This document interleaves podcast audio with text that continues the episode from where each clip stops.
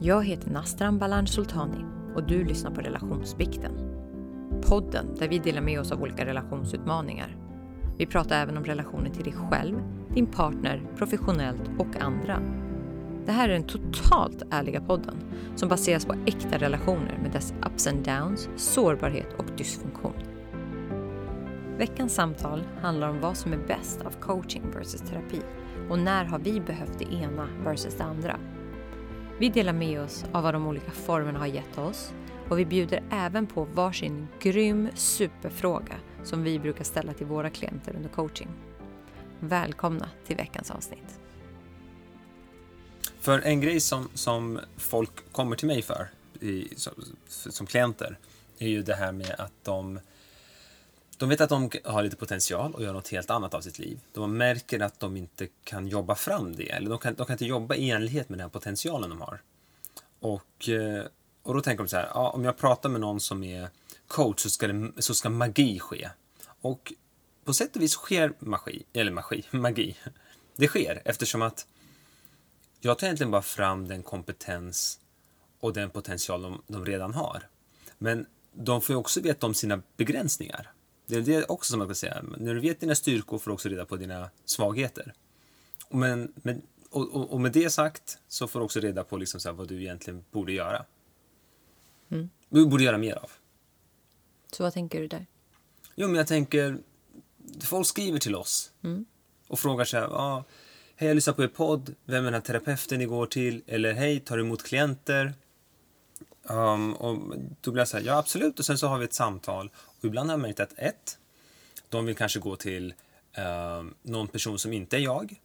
Alltså jag märker att de, de, de borde inte gå till en annan coach. Och så har jag ett nätverk av coacher, så det brukar ju vara hjälpsamt. Men jag märker också att ibland så ringer folk och kanske behöver en psykolog, eller en terapeut, eller en psykiater. De behöver något annat, de behöver kanske medicin. Det är en kille som ringde och vi hade ett långt samtal. Och i slutändan så, så sa jag det, att du, du, du får nog gå och fortsätta. Han, han gick hos en KBT-terapeut. Mm. Du får nog göra det ett tag till. För jag hör att det är väldigt mycket förflutna och eh, problem med vissa tankar och tankemönster. Och så var det mycket trauma från barndomen fortfarande. Mm. Och då är coaching kanske inte det mest lämpliga. Nej, och vi tänkte ju att vi i dagens avsnitt ska prata om, om huruvida, vilket som är bäst, terapi eller coaching. Eh, och svaret på den är väl, det beror på. Ja, just det. Ja, precis. Coaching är bäst för vissa saker, terapi är bäst för vissa ja, saker. Precis. Det är väl lite så. Och kanske. vi har ju gått i både terapi och använt oss av coaching. Um, du säger använt oss, vad menar du då? Nej, men både fått coaching, alltså blivit coachade, men också vi jobbar ju med att ja. coacha andra. Uh, men jag menade att uh, i det här fallet så menar jag att vi har fått, alltså blivit coachade. Så vad skulle du säga, när behövs terapi? När är det man ska uppsöka, när är terapi eh, det man ska liksom använda sig av? Tycker du?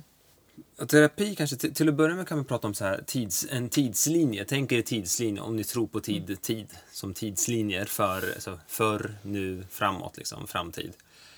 Uh, jag skulle säga, en skiljelinje brukar man prata om att nu är skiljelinjen lite grann. Alltså terapi mellan där går gränsen mellan, då är det mer förr, hur var det som från min barndom, till nu. Hur vill jag ha det nu egentligen? Och lite blicka framåt kanske. Medan eh, coaching handlar mer om hur är det nu? Definiera nuläge och jobba framåt. Och kanske lite grann titta på hur har det varit för att förstå nuläget. Mm. Men egentligen så handlar det mer om att man är framåtlutad i terapi, eller i coaching och sen i terapi när man är lite mer mm. bakåtblickande mm. och löser upp knutar som finns. Ja, precis. Um, det är väl en skiljelinje, sen finns det ja. fler. Så, vad skulle du säga? Nej, men jag tänker att terapi är bra när det finns eh, någon form av sår.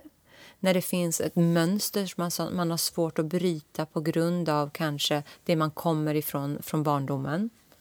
Eh, jag tänker att eh, liksom, om man är, har någon form av depression, eh, om det är som så att ehm, Ja, men som du var inne på, lite att liksom, man blickar bakåt, bearbetar vad som har varit och får förståelse för vad som har varit och hur det påverkar en nu. Så det handlar egentligen liksom mycket om att läka och därmed förändra där man är. Men man behöver titta bakåt. Sen finns det ju också eh, en, en terapeut eller psykolog kom, sitter ju där som en expertfunktion. Den där psykologen är någon form av expert och sen så ska den liksom guida den här, terape- eh, den här klienten med rätt frågor och så vidare. Så det är inga jämlika parter, nej. Exakt. Nej. Terapeuten är där för att exakt, hjälpa, hjälpa till med expertis. Den är bättre på någonting. Ja, precis. Så det Precis. kan ju vara någonting, dels för att liksom, eh, gamla trauman, det kan vara eh, liksom destruktiva bete eller eller destruktiv familj eller uppväxt. Det kan vara eh, olika typer av livskriser, sorgeprocesser. Eh, eller att man har liksom, som sagt ett beteende som, som i mitt fall där jag upplevde att jag gjorde lite saker och ting. Eh, eller där jag kände liksom att jag lite satte käppar, för mig, eller käpp, eh, liksom käppar i hjulet för mig själv. Och oftast är det dysfunktionalitet i terapi. Ja. och sjukdomar, diagnoser. Mm. Um, och man kan kolla på vem som betalar, brukar också vara en sån där typisk grej. Uh, betalar företaget så är det större chans att det är coaching, eller betalar du själv kan också göra för coaching i, och för sig. Nej, det kanske inte var så bra. Betalningen, Mm. nej. Men så här mer, ett företag skulle aldrig betala för terapi. Jo. Ja, men det är jag. väl jätteovanligt. Ja, fast många företag har ju någon form av eh, sjukförsäkringar. Ja, ja, så Alltså, ja. Eller liksom, det, jo, jo, det förstås. Men det är en annan grej att du betalar för så här stress eller någonting sånt. Men kanske inte att de betalar för att du känner att du har ett eh, trauma från barndomen du behöver lösa. Och så kommer företaget och säger att ja, men vi sponsrar det. Nej. Det skulle jag säga är ganska ovanligt. Sam, samtidigt eh, är det som så att när man har mycket trauman och man har mycket saker och ting som ligger där. Eh, gör, det tar ju också energi från en, även om man inte tror det. Så det kan ju vara en sån sak som en utbrändhet som gör att man måste börja titta bakåt och ifrågasätta varför man har betett sig som man har gjort eller varför man har ens hamnat där. Så jag tänker att jobbet kan ju gå in och hjälpa till med den typen av psykologer eller terapi. För att Alltså, liksom de bearbe- borde det, ja. Nej, Alltså, och de gör det ibland också. Ja, men då är det oftast för att det har hänt någonting. Att Ja, man har om- blivit utbränd eller Precis. att man är jättestressad eller så. Absolut. Mm. Absolut. Då skulle de kunna betala, ja. Men jag tänker att det är inte, och att man får ta arbetstid. Men det är inte så att man kan gå till sin chef om man i övrigt presterar Mm. normal bra och säger så här. "Ehm, det här hände mig som barn, jag vill gå i terapi, kan inte ni betala? Ja. Mm. Det är nog väldigt liten risk att man, att de, eller, eller chans att de betalar. Medan coaching skulle de kunna betala för. Mm. Att man behöver utveckla sig i jobbet. Det är lite så, fast det kanske inte är så stor skiljelinje. Kanske inte så. Men Och vad tänker du med coaching då? Vad, vad är det i så fall? Vi, när ska man liksom använda sig av coaching? Om vi ska bara sammanfatta det där med terapin så handlar det lite om så här, har man någon form av, liksom, om man har någon diagnos, om man har något destruktivt beteende, om man har något beroende, om man har liksom något sår där man måste verkligen liksom bearbeta det förflutna eller ett mönster som liksom handlar om det förflutna och, eh, och ens egen självbild och så, då, då tror jag att terapi är bättre. Exakt, en slags smärtkropp som man måste liksom lösa upp. Knut, någon knut liksom. Ja, absolut. Precis. Medan coaching är ju mer framåtblickande. Ehm, och där tänker jag i alla fall att coaching handlar ju väldigt mycket om att folk som har kommit till mig eh, man behöver vara... Man får inte ha för mycket förflutet som påverkar framåt. Har man det, då behöver man först bearbeta det i te- terapi. Man behöver först jobba, man behöver jobba igenom det. För annars blir man inte riktigt coachingbar. För om man hela tiden går tillbaka till det förflutna, om man hela tiden har smärtkroppar att jobba med, då går det inte riktigt att jobba framåt. Medan coaching är mer liksom att dels ge, är coachen och coachin eh, mer jämställda. Eh, det är liksom ingen expert, utan det handlar om att man som coach hjälper till att ställa rätt frågor. Man sitter inte på svaren som coach, man kommer liksom inte med råd. Ehm, utan man ställer rätt frågor för att öppna sinnet hos den som går i coaching och kan liksom, så att man verkligen utforskar alla typer av alternativ. Eh, och sen handlar ju coaching om att verkligen få en, liksom en sparringpartner som pushar en framåt.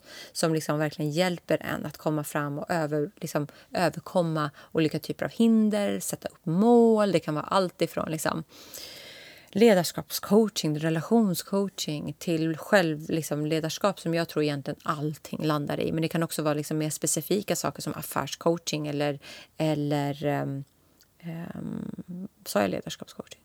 Jag sa självledarskap, att det ja. handlar mycket om det. Men det är också ledarskapscoaching, executive coaching. Det finns olika ja, sorter. Nej, men just det, karriärscoaching skulle mm. vilja säga.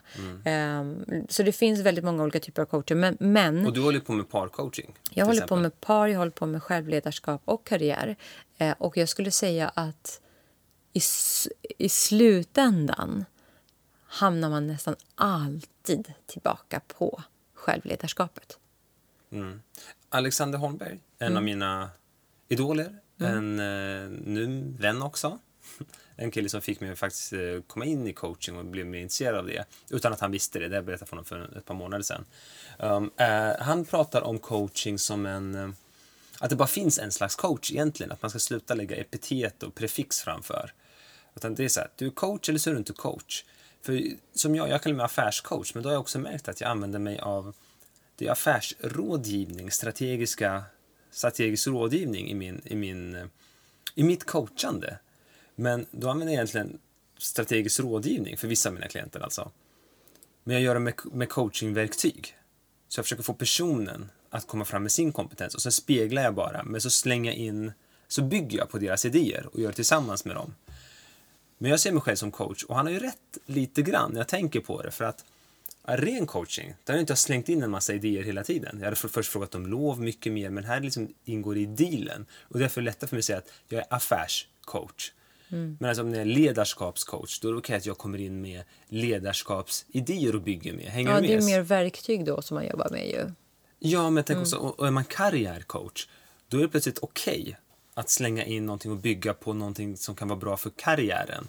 Hänger du med? Så det är någonstans att man nästan friskriver sig från coachingen lite om man lägger epitet. Det är lite, så jag kan, inte allt alla gör det, men jag kan tänka mig att det kan tolkas lite så. Men nu kommer vi lite ifrån ämnet. Mm, uh, men coaching är liksom så här, det, det, det är ett verktyg. Och, uh, och när du sa att allting landar i självledarskap så kan jag hålla med dig om det. För att i slutändan så blir det som, folk säger, är du så här livscoach? Och då säger nej och ja, det är jag. För alla som kommer till mig för X, Y, Z landar någonstans i så här Jo, men i slutändan så har jag då, är jag inte så bra på att kommunicera exempelvis. Jag, skulle mm. jag märker det, jag är ganska otydlig. Mm. Och, det, och det drabbar mig för jag sover också dåligt. Och helt plötsligt hamnar vi på, i livet liksom ändå. För mm. folk är ju folk, folk är människor. Så, ja, så mm. lite livscoaching. Är man inte en duktig livscoach men som till exempel i ditt fall då, varför valde du terapi i början och inte coaching? Vad var det som gjorde att du landade, eller liksom, varför behövde du coaching när du, eller vad säger terapi när du började? Ja, men jag, jag, jag höll på med dumheter, rena rama dumheter. Kunde inte hålla sunda relationer. Jag var väldigt dysfunktionell som person. Um, hade hela tiden en massa så här spel i mitt huvud. Med mig själv också. Um, jag behövde verkligen liksom prata av mig. Jag behövde städa bakåt, som det är det vi pratade om. Mm. Um, sätta mina liksom, principer i livet, värderingar som var lite lösa och odefinierade. Jag behövde liksom lära känna mig själv mer. Jag var liksom allt och inget för alla andra. Jag, liksom, jag, liksom, jag kunde gå in i ett rum och sen var det så här, hur vill folk i det här rummet att jag är så att jag levererar? Så det var som att finna mig själv. Och mm. det var en röra, mitt liv. Mm. Det var inte liksom en grej, det var inte karriären jag behövde få styr på. Mm. Själv då? Um, Ja, men I mitt fall, och jag vet att många går till coacher för att jobba på sin självkänsla. Det kommer många gånger upp att jag vill, jobba, jag får, vill få en bättre självkänsla. Men i mitt fall så handlade det om um, beteenden um, där jag... Eh, alltså det fanns en del att läka från barndomen. Det fanns liksom en del um, dysfunktionella liksom, situationer eller, eller eh, omständigheter i min uppväxt eh, som gjorde att jag formades på ett sätt som gjorde att jag satte liksom, allt för höga krav på mig själv. Jag hade inte riktigt en bra... Jag hade absolut ingen bra självkänsla. Jag eh, tog inte ansvar för det som var mitt. Eh, jag tog väldigt mycket ansvar för andra människor, men inte för mig själv alltid. Eh, och En annan person som skulle titta på mig skulle säkert säga att jag var väldigt ansvarsfull. Och det var jag. Men vad jag menar med ansvar är att verkligen se vad är det som är... Vad kan jag påverka och vad, in, vad kan jag inte påverka och sen ta ansvar för det. Utan det var väldigt lätt att skylla ifrån sig på omständigheter eller situationer eller andra människor. Du hade det? Jag hade det. Mm. Nej, men så, det, så det handlade om flera saker. Men det handlade också om, som jag, vi har pratat om i andra avsnitt, om att jag kände liksom inte att jag eh, lät mig själv att verkligen bli fullt lycklig. Jag lät inte mig själv att nå mina fulla potential, vad det nu var. Jag lät mina rädslor styra mig. Eh, och allt som allt, och tillsammans då hade jag ju också den här ätstörningen som jag hade. Så jag, så jag hade många grejer. Jag tror att hade det bara varit en grej, hade det varit så här, men jag är, har väldigt mycket funktionella beteenden. Jag är liksom, och jag menar utåt sett så skulle ju folk ha tyckt att jag var väldigt funktionell. För jag hade liksom ett bra jobb, jag hade mycket vänner, jag tränade, gjorde alla de här olika loppen och jag bodde bra, jag hade en relation som var stabil. Liksom. Så hon är väl en funktionell person, människa. Och det var jag. Men sen är frågan så här... Jag ville, vara, jag ville inte låta mina rädslor hindra mig. Jag ville, jag, jag ville vara fri eh, och verkligen älska mig själv. Och det tror jag...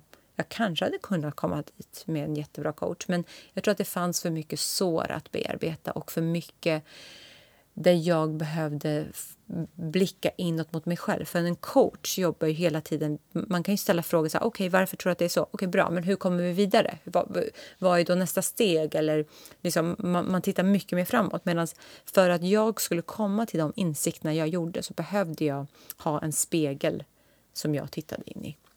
Som verkligen belyste mig och mina beteenden. Så därför tror jag att terapi var bra för mig. Då. Och, och vad gav det dig?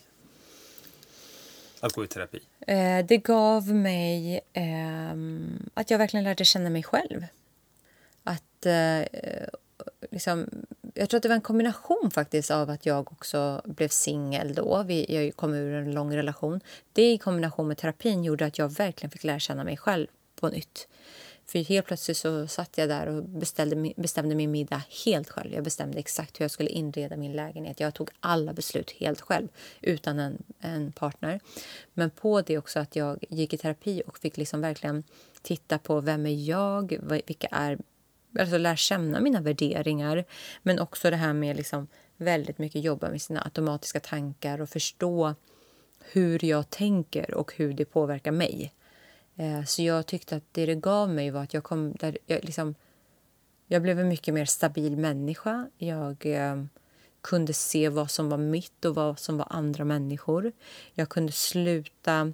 Jag har ju liksom också, var ju också medberoende på många sätt i många relationer. Och medberoende är ju många som tänker handlar att det handlar om att man är medberoende till en alkoholist eller så. Men man kan ju också vara medberoende Eh, för att man har växt upp i dysfunktionella om, alltså, eh, en dysfunktionell eh, familj eller eh, en omgivning som inte var helt eh, funktionell. Eh, och då, då blir man, eh, man säger jag, men, men jag blev som så att jag ehm, ja, men valde, alltså jag tog inte så mycket ansvar för mig själv och mina egna beteenden utan jag skulle liksom hjälpa andra. Eller jag skulle, folk skulle behö, jag, jag behövde vara behövd av andra människor för att känna mig eh, värdefull.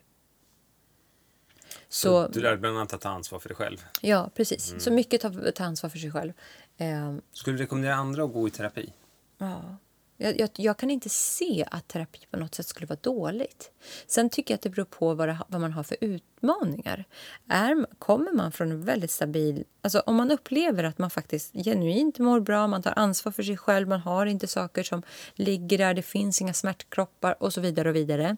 Man har en god självkänsla. Och sen så vill man nå ett mål av att, eller jag behöver lite tips i min karriär eller jag behöver eh, hjälp som ledare i de här olika... Jag har, jag har hoppat upp på en ny roll, jag behöver liksom en ledarskapscoach. Eller jag vill lära mig, jag ska, jag ska springa ma eh, ett maraton. Hjälp mig att strukturera upp det här. Alltså, om det är såna typer av saker så tycker jag absolut att man kan ta och kontakta en coach. Eh, jag har ju haft folk som har gått till coaching hos mig där vi trots det har jobbat en del med liksom eh, Eh, ens egen självbild, ansvar, för det kan man också göra. Och det har jag gjort många gånger. Eh, men det är fortfarande mer att man sätter en målsättning framåt. Medan i terapi så går man lite dit och, och börjar nysta i vad är det som inte riktigt gör att du mår helt hundra. Det är liksom skillnad lite grann. Så när jag, eh, och Med det sagt så ska jag också säga att många, vissa har ju kommit till mig och sagt att jag vill jobba med det här och sen har vi ändå landat i att vi har jobbat mycket med självledarskapet. Um, men, men så för mig, det har gett mig... Det, det, terapin gav mig ett helt nytt sätt att se på mig själv, ett helt nytt sätt att se på världen. Och ett... Uh, jag är mycket mer... Uh, även eh, jag, jag, när jag säger det så vet jag att jag inte är det alltid för att jag har jag skyller det på mina två små barn så jag tar inte ansvar. Men, men, jag, nej, men jag är inte den mest harmoniska eh, i alla tillfällen. Eh, för att jag sover för dåligt och... Eh, jag tycker du är väldigt harmonisk. Oh, sure. um, jag skojade, hörde ni va? Vi, ingen av oss är så harmonisk just nu, ska nej, jag kanske tillägga. Nej. Men, men med det sagt så tycker jag liksom att jag jag fick ett perspektiv på saker och ting som handlar om vad kan jag påverka och vad kan jag inte påverka och sen kunna släppa. Och sen har jag också blivit mycket bättre på att sätta gränser. För vad är okej och vad är inte okej för mig. Um, nej men jag tycker verkligen att det, det finns ett före och efter nastaran. Före och efter terapin.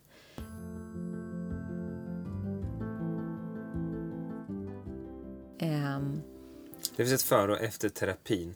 Och vad skulle du säga till coachingen då? Finns det något före och efter coachingen? Och vad skulle det vara? Ja, men coachingen tyckte jag hjälpte mig väldigt bra i form av att möta mina rädslor på ett annat sätt.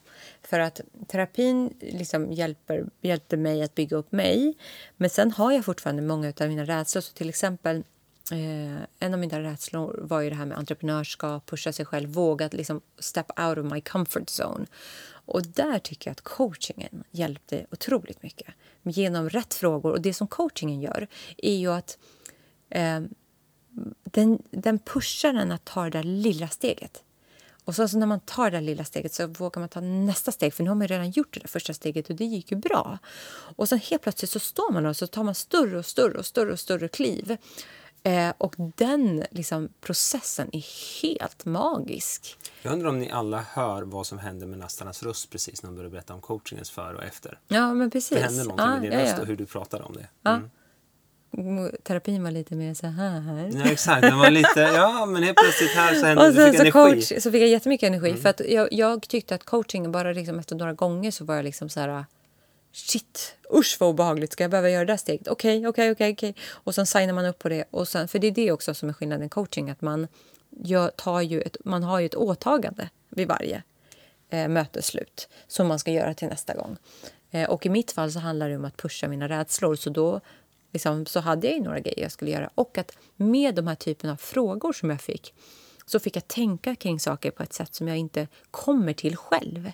Även om jag sitter på svaren så har jag inte fått så kommer jag inte på just de där frågeställningarna. Och sen behöva tänka över en frågeställning som man inte har tänkt sig och, och att man får frågor från olika, liksom, olika typer av frågor gör att man öppnar sitt sinne och man kommer fram till svar som, man inte, som jag inte skulle ha kommit fram till själv.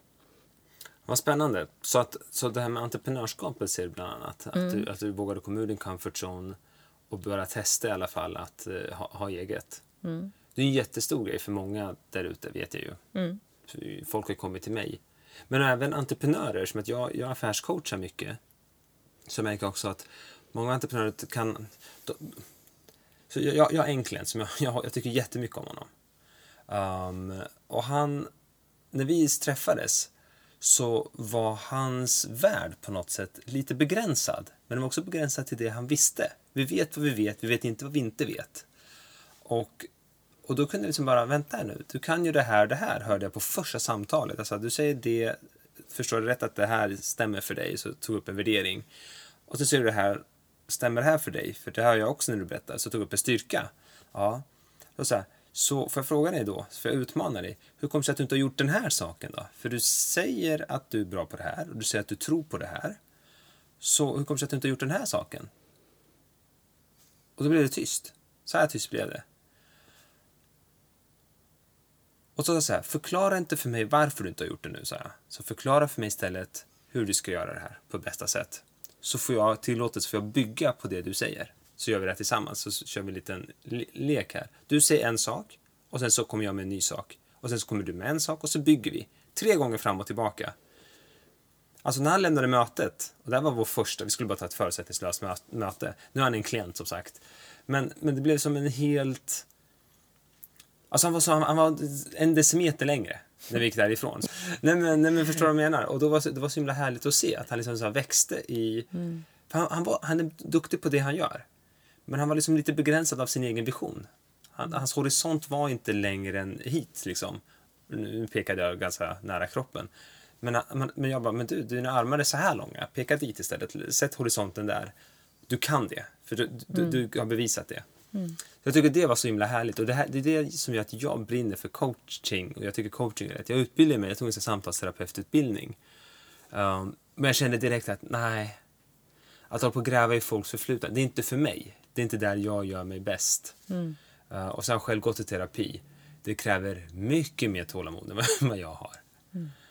Um, det förstår jag. Att sitta med mig själv skulle jag inte vilja göra. Som jag var där och då. Jag var för rörig. Det var för, det var för trasigt. Tänk vad jag har varit med om. Du har varit med om mig också.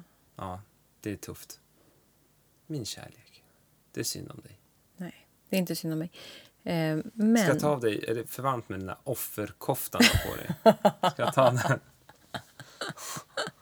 Jag tar tillbaks den till mig själv. Nu har du fått låna den i det här samtalet. Okej. Ja. Nej, men det är ju faktiskt fantastiskt och det är det som är grejen med coaching. Alltså att man kan, nu, nu, det du gjorde är ju inte det klassiska, att man faktiskt bygger på någon annan, men det är ju ett verktyg man kan också använda sig av. Ja, det är ett verktyg. Jag använder det Ehm. ofta dock, ska jag säga. I just affärsko- I min affärscoaching. Ja, men i Det är affärscoaching är det ju kanske väldigt vettigt och bra. Det det är därför jag är lite självkritisk. Om så här, är det här ren coaching? Ren coaching? Ja, inte varenda möte. Mm, jag fattar. Mm, men vad roligt också att han ändå... För det är ju liksom det, just det där att man, man behöver ibland få rätt frågor och man behöver få någon, också bara, någon som bara bollar tillbaka saker och ting. Och i det här fallet faktiskt, och just i affärer också få någon annans perspektiv. Det gör ju otroligt mycket. Jag ska säga så här. I, I mitt fall, så jag är inte ens expert. Jag är långt ifrån expert på det han gör. Det är det som är så intressant också. Han trodde ju inte liksom att vi skulle komma någonstans. Och, och det, det är väl det som också är intressant med coachingen. Du ska, det är nästan bättre om den du sitter med inte kan ditt område. För då kommer den vara ännu mer nyfiken, ställa mer öppna frågor där du ska få, kl- för, få förklara dig själv. Och i det, det är där det händer mycket, när du tänker högt med någon annan som ställer ännu mer frågor. Vänta nu, men då förstår jag inte om det här gäller, hur kan det gälla? Och så vidare. Ja. Och själv då? Jag tänker, vad, vad upplever du har varit liksom fördelen med coach- coaching för dig? Jag går i coaching varje år. Varje år så tar jag eh, sex eller sju eller åtta sessions med olika coacher. Hittills har jag tagit, tagit nya hela tiden och det handlar inte om att jag är nöjd eller missnöjd utan jag vill bara testa nya. Jag tycker det är så himla spännande, alla olika stilar. Jag behöver provtrycka. Jag pratar mycket. Eh, jag tar på mig åtaganden själv. Jag vet vad jag behöver göra. Jag vill ha en accountability partner. Men jag behöver få stanna upp och provtrycka. Och kan jag få en timme där jag bara får stanna upp och bara... Så bara pratar jag bara... Så bara... Ah, där hörde jag någonting som hände efter 40 minuter. Så varför kan du inte göra det hos en terapeut? Nej, Jag tror att terapi... Jag vet inte. Jag tänker att terapeuten... För jag, jag, jag, jag, jag, tittar bara framåt. Och jag, jag ser mig själv som en väldigt funktionell person idag. Jag tror jag skulle dels så här slösa terapeutens resurser och tid. Det är inte för mig. Um, men det är så, coach, coachen vill att jag jobbar framåt. Coachen kol, kommer hålla mig ansvarig för det jag säger. Och det är det jag behöver. Men en terapeut kan ändå se mig som en patient. Men jag är inte sjuk. Det handlar lite grann om liksom mitt mindset när jag går till en coach. Att jag vill faktiskt jobba framåt. Oftast har det handlat om mitt, att jag liksom pluggar dubbelt och har företag i startup och gör det här och gör det där. Um, och jag delade en grej på LinkedIn häromdagen om att den bästa, alltså det bästa sättet att bli effektiv på är inte att lägga på verktyg och så, det är bara ska, skala bort. Är is the mother of optimization eller någonting skrev jag, något sånt där. Och det är oftast det jag kommer fram till i coachingen. Att jag liksom bara skalar bort någonting och sen så tar jag bort en grej. Förstår. Är jag bra på att ta bort grejer? Är det sant att det är min utmaning, frågar dig? Att jag har för många grejer? Absolut. Att jag har för många grejer? Att det är en utmaning hos mig? Ja. Bra. Jag tycker det. Ser du, jag förstår det själv. Mm, bra, vad fint. Men eh, det tycker jag också var fördelen faktiskt med vår terapeut. Att han är ju också, han är också coach. Han är, Ja. han är kognitiv terapeut och coach. Eh, Vi har kallat honom tolvstegsterapeut ibland, men Ja, men för han- är oss var han det. Ja, men det var men, han, men är inte det han gör. Eller, jo, det är det han gör också, men är inte det han är utbildad till. Han Nej. är egentligen kognitiv coach Eller kognitiv terapeut och coach. Ja, men han gör inte ens 12 steg. Det är inte det han jobbar Nej, med. nej, men han, men han kan det. det Han kan det, säga. men det är bara för att han själv har gått mycket på programmet. Så. Men, men det jag skulle säga var att det skillnaden varför jag tyckte att hans terapi funkade bra för mig var ju att de andra terapeuter jag har gått till har varit psykodynamiska. Så det har varit så här, prata, prata, prata, prata, men jag har aldrig kommit någon vart. Med honom fick man ju ändå en handlingsplan. Man fick liksom göra uppgifter, man fick göra mycket saker vid sidan om. Vilket gjorde att jag tyckte att det, man tog många steg framåt. Eh, och det passade mig väldigt bra. Men sen, det är fortfarande skillnad på det och ren och skär coaching. Men det var i alla fall ett mellanting som jag tyckte funkade väldigt bra för mig också. Ja.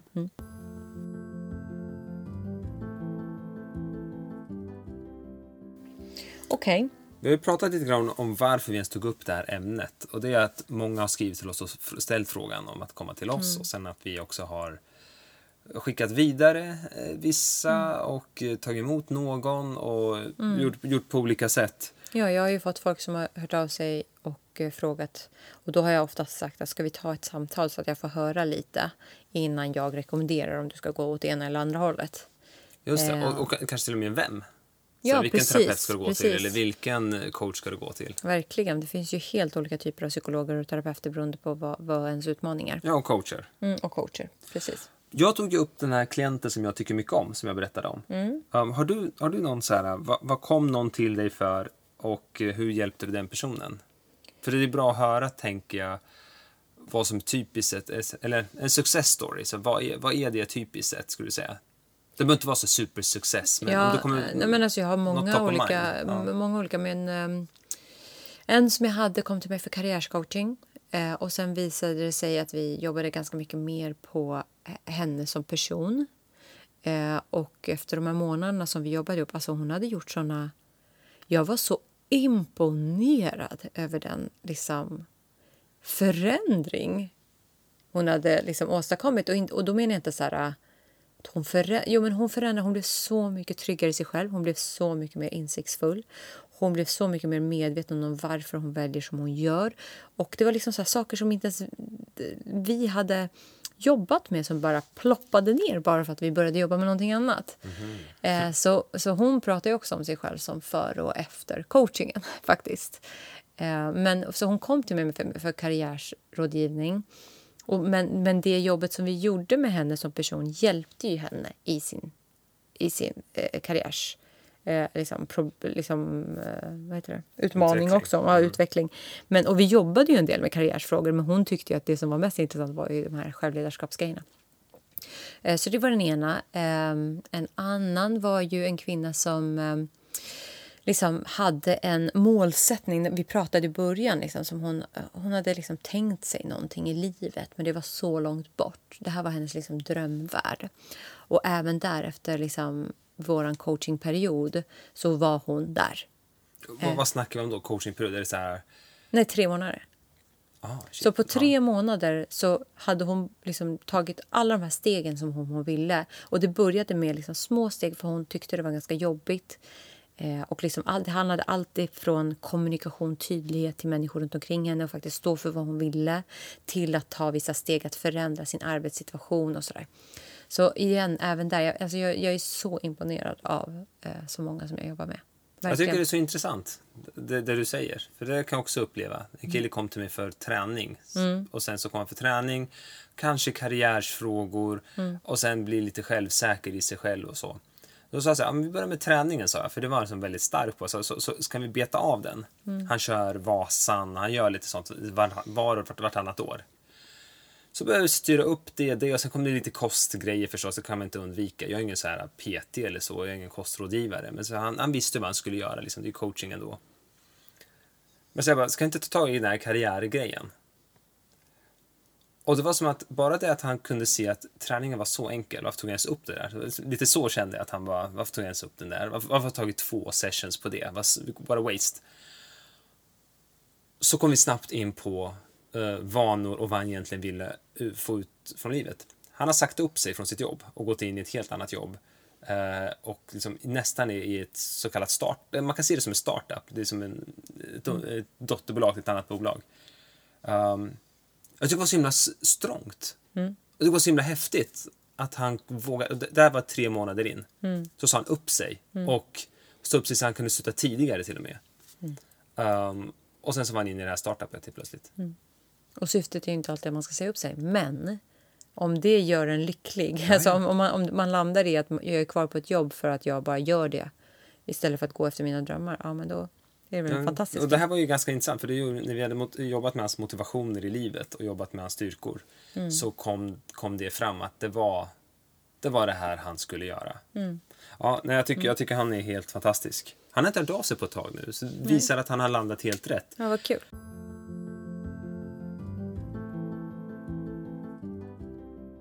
Jag tror många skulle... Jag var med i Clubhouse i begynnelsen för mig, där i januari, i februari där.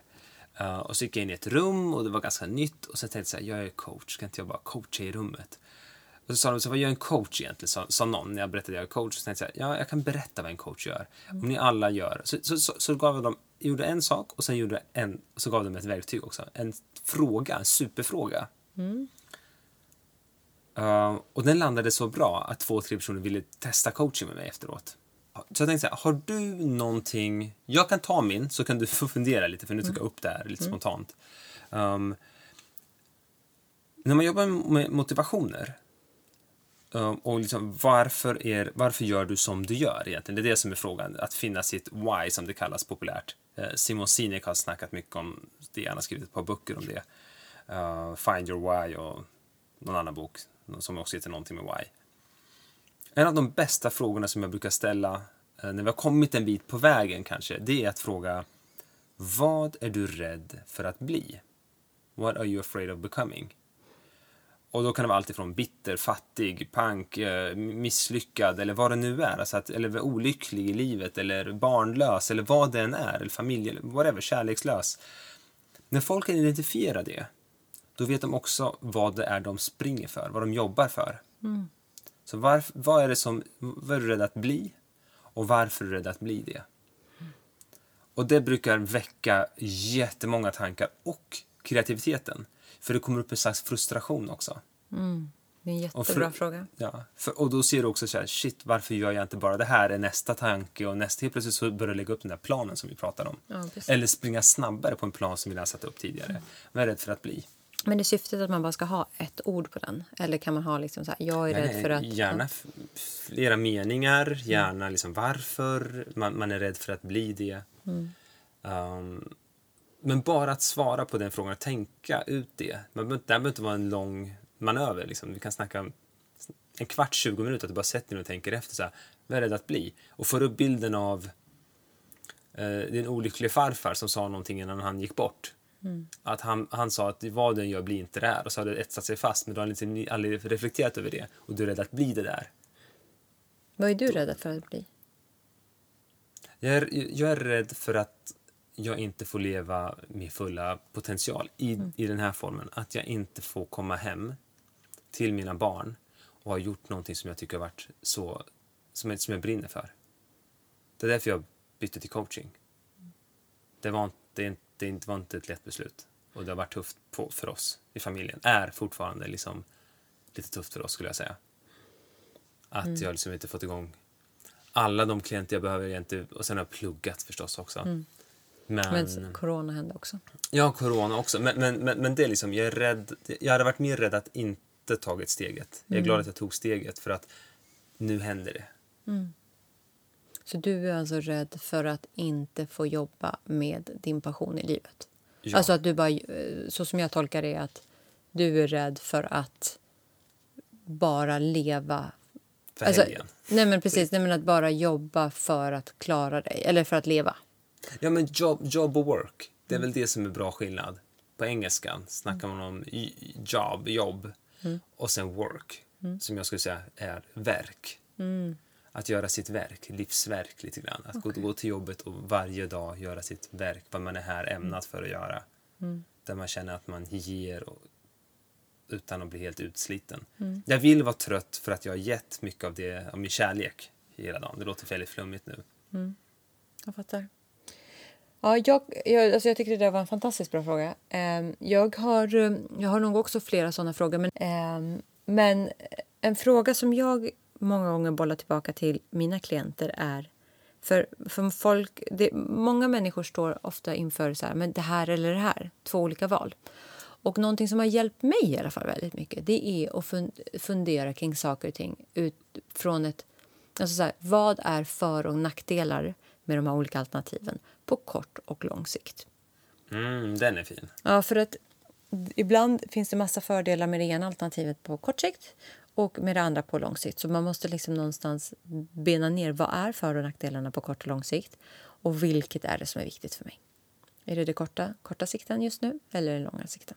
Just det. Jag har mycket wants versus needs där också. Ja, mycket möjligt. Precis. Den är också bra. Ja, så jag skulle säga att uh, det är någonting som jag tycker ger mycket när folk får jobba med det. När du jobbade med det, vad kom du fram till? Till exempel? Nej, men att eh, i, min, i de, problemat, de frågeställningarna som jag hade så var det ju ofta att det finns inga fördelar med det ena. Det fanns många gånger fördelar med ett alternativ på, ett kort, på kort sikt. På liksom det alternativet som kanske var sämre. Men på lång sikt så var det nästan bara fördelar med, med, med det mer funktionella alternativet eller någonting annat. Så vad, vad det har gett mig har ju varit att jag har kunnat liksom blicka lite mer så här, okej, okay, fine, jag kanske får den här kicken på kort sikt eller jag kanske får det här på kort sikt, men men vad är, vad, i det långa loppet, vad är liksom, vilket lirar bäst med vem jag vill vara, hur jag vill leva och så vidare. Så, så typ en nödlögn på kort sikt för att komma ur en situation är, känns bra där och då, men på lång sikt är det bättre att vara en ärlig person? Precis, ja. Men sen allt handlar ju så här, det kan ju vara så här, det, det är olika, det beror lite på vad det är för frågeställning. Ibland är det kort sikt som behöver lösas. Nej, men det är ju så. alltså nödlögn är okej? Nej, nej, men, nej, nej, nej, nej, inte så. nej, jag, jag, jag menar så här, okej, okay, eh, vi håller på att bråka med våra barn för de har lågt blodsocker. Alltså, eh, ja, ja, ja. långsiktigt, ja men de borde få morötter. Men, men jag har inte det, så ska jag ge dem den här uh, saften. Nej men alltså nu bara hittade ja, jag på jag någonting. en banan ja. som är förstoppande och ja. sockrigare. Ja. Precis, liksom, ibland så det beror på lite vad man, har, vad man står inför. Men att bara tänka utifrån de två olika sakerna gör att man får lite bättre perspektiv över problemet och också sitt beslut kan vara lite mer förankrat i vad man verkligen vill långsiktigt. Mm.